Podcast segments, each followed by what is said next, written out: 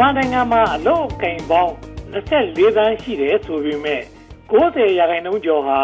စိုက်ပျိုးရေးအိမ်တွင်းစီးပွားရေးလုပ်ငန်းနဲ့လုပ်ငန်းအသေးစားလေးတွေဖြစ်ပါတယ်။ဒီနေ့ဆိုရင်တော့24သန်းမှာရိုးရာအစဉ်အလာအလုပ်က21တန်းရှိပြီးခေတ်သစ်ပုဂ္ဂလိကအလုပ်က2တန်းအစိုးရအလုပ်က1တန်းနီးပါးရှိပါတယ်။မြန်မာပြည်ကအလုပ်ကိုင်တွေရဲ့အရေးအသွေးနဲ့ရှင်ပြိုင်မှုစွမ်းရည်ဟာအိမ်င်းချင်းနိုင်ငံတွေတဲ့အများကြီး နှိမ့်ကြတယ်လို့ကမ္ဘာ့ဘဏ်အုပ်စုကပညာရှင်10ဦးရေးသားပြုစုတဲ့စာမျက်နှာ190စာတမ်း Myanmar's Future Job မှာဖော်ပြထားပါတယ်။အလုပ်သမားဘဝကိုတိုးတက်မြင့်မားအောင်ဆောင်ရွက်ပေးနိုင်တဲ့အခြေအနေမရှိသေးဘူးလို့ဆိုပါတယ်။အလုပ်သမားအများစုဟာတပတ်နာရီ40ကျော်ဖြန်းမြနှုံးနဲ့အလုပ်လုပ်ကြပါတယ်။အကျိုးခံစား권ရှိတဲ့အလုပ်သမားဦးရေဟာ9ရာခိုင်နှုန်းတောင်မရှိဘူးလို့သိရပါတယ်။ ဒီထဲမှာအလုပ်သမား9ဦးမှာတဦးကယာယီဖြစ်ပါတယ်။မြမအလုပ်သမားတွေမှာ3ရာခိုင်နှုန်းကိုသာကျွမ်းကျင်လုပ်သားတော့မဟုတ်အတတ်ပညာရှင်အဖြစ်သတ်မှတ်ပါတယ်။အလုပ်အကင်ကောင်းကောင်းရရှိဖို့နိုင်ငံခြားထွက်ပြီးအလုပ်လုပ်နေကြတဲ့မြန်မာပြည်သားက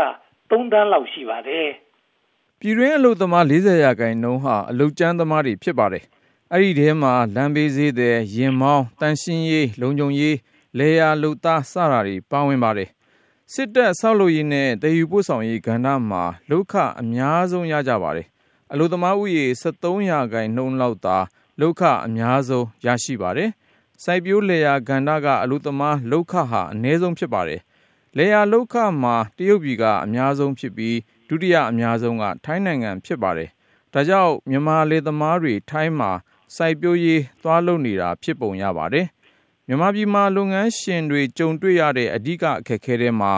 ကျွမ်းကျင်လုပ်သား ရှားပါမှု ပြဿနာ ဖြစ်ပါတယ်။အလုပ်သမား20ရာခိုင်နှုန်းသာ အခြေခံပညာ အထက်တန်းအဆင့် ရှိကြပါတယ်။ကျောင်းမနေဘူးသူနဲ့ မူလတန်းပြီးသူဟာလောက်ခအတူတူရတာကိုကြည့်ရင် မူလတန်းပညာကို အလုပ်ဈေးကွက်မှာ တန်ဖိုးမထားတာ သိတာပါတယ်။အလယ်တန်းလွန် ပညာရေးဟာ အလုပ်သမားဈေးကွက်ရဲ့ လိုအပ်ချက်ကို မဖြည့်ဆည်းနိုင်ပါဘူး။ ဒါပေမဲ့အလုပ်သမား10ရာခိုင်နှုန်းကသာအတတ်ပညာကိုသင်ယူနိုင်ပါတယ်။အခုခေတ်အလုပ်အကိုင်မှာလိုအပ်တဲ့ဘ ഹു တုတနဲ့ကျွမ်းကျင်မှုကိုမြမပညာရေးစနစ်ကမပေးနိုင်ဘူးလို့အလုတ်ရှင်80ရာခိုင်နှုန်းကယူဆပါတယ်။အလုတ်ရှင်တွေဟာသူတို့အလုတ်သမားကိုသူတို့ဘာသာသင်တန်းပေးပြီးမြဲသူတို့လုံနိုင်သူက9ရာခိုင်နှုန်းလောက်သာရှိပါတယ်။စီမံခန့်ခွဲရေးကျွမ်းကျင်တဲ့မန်နေဂျာရဖို့အခက်အခဲဆုံးလို့ဆိုပါတယ်။ ဂျပန်နဲ့ကိုရီးယားမှာ မန်နေဂျာလူဒန်းစား ထွက်ပေါ်လာမှသာ လုပ်ငန်းကို အဆင့်မြင့်နိုင်မှာ ဖြစ်ပါတယ်။ရှင်ပြိုင်မှုစွမ်းရည် မြင့်တင်ဖို့အတွက် လုပ်ငန်းမှာ အတားအဆီး ဖြစ်နေတာကို ဖယ်ရှားဖို့ လိုအပ်ပါတယ်။အလုပ်သမား ကုန်ကျန်းပစ္စည်းနဲ့ ဝန်ဆောင်မှုကို ရရှိပြီး ဈေးကွက်ကို လက်လှမ်းမီဖို့ လိုအပ်ပါတယ်။မြန်မာနိုင်ငံမှာ ပို့ကုန်ရှင်ပြိုင်နိုင်မှု အလားအလာ ကောင်းတယ်လို့ ဆိုပါတယ်။အလုပ်သမားအင်အား လိုအပ်တဲ့ အထည်ချုပ်လုပ်ငန်းနဲ့ အစားအသောက် ထုတ်လုပ်ရေး လုပ်ငန်းတွေကို ထပ်မံတိုးချဲ့ပြီး အလုပ်ကိုင် အခွင့်အလမ်းတွေကို တိုးချဲ့နိုင်ပါတယ်။နိုင်ငံခြားယင်းနှိမ့်မြုပ်နှံမှုကို ဖိတ်ခေါ်ပြီး လုပ်သားအင်အား လိုအပ်တဲ့ လုပ်ငန်းတွေမှာ လုပ်ကင်စေတာဟာ အရေးသွေးမြင့်တဲ့ အလုပ်ကင်ကို ဖန်တီးရာ ရောက်ပါတယ်။နိုင်ငံခြားယင်းနှိမ့်မြုပ်နှံမှု ရှိလာတာနဲ့ အဆင့်မြင့် အလုပ်ကင်တွေ တိုးပွားလာပါတယ်။တင့်တော်တဲ့ယင်းနှိမ့်မြုပ်နှံရေး မူဝါဒနဲ့ လုံထုံးလုံနည်းတွေကို ကျင့်သုံးနိုင်ဖို့က အရေးကြီးပါတယ်။အိန္ဒိယနိုင်ငံတွေနဲ့ရှင်လိုက်ရင် မြမလေယာထုတ်လုပ်မှုဟာ အလွန်နှဲပါနေတာကို တွေ့နိုင်ပါတယ်။အရာဝတီတိုင်းမှာလဲမြေ2ဧကခွဲမှာမိုးစဘာစိုက်ပျိုးရင်131ရက်ကြာပါတယ်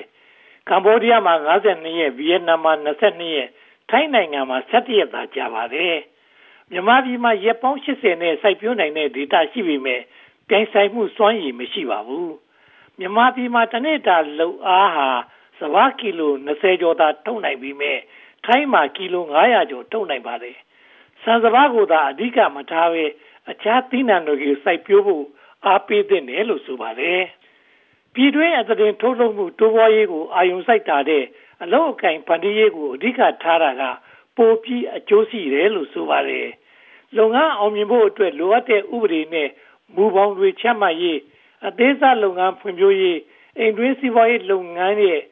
ကုန်ထုတ်စွမ်းအားမြင့်တင်ရေး လုပ်ငန်းဆိုင်ရာသင်တန်းကသဖြင့်ကျွမ်းကျင်မှုမြင့်တင်ရေးလုပ်ငန်းနဲ့တင့်လျော်တဲ့အလုပ်သမားရရှိရေးစိုက်ပျိုးလယ်ယာကုန်ထုတ်စွမ်းအားမြင့်တင်ရေးပဋိပက္ခလွန်ဒေသမှာအလို့အကင်များပေါ်ထွန်းရေးစတာတွေကိုအဓိကထားဖို့လည်းအကြံပေးထားပါတယ်ခင်ဗျာ။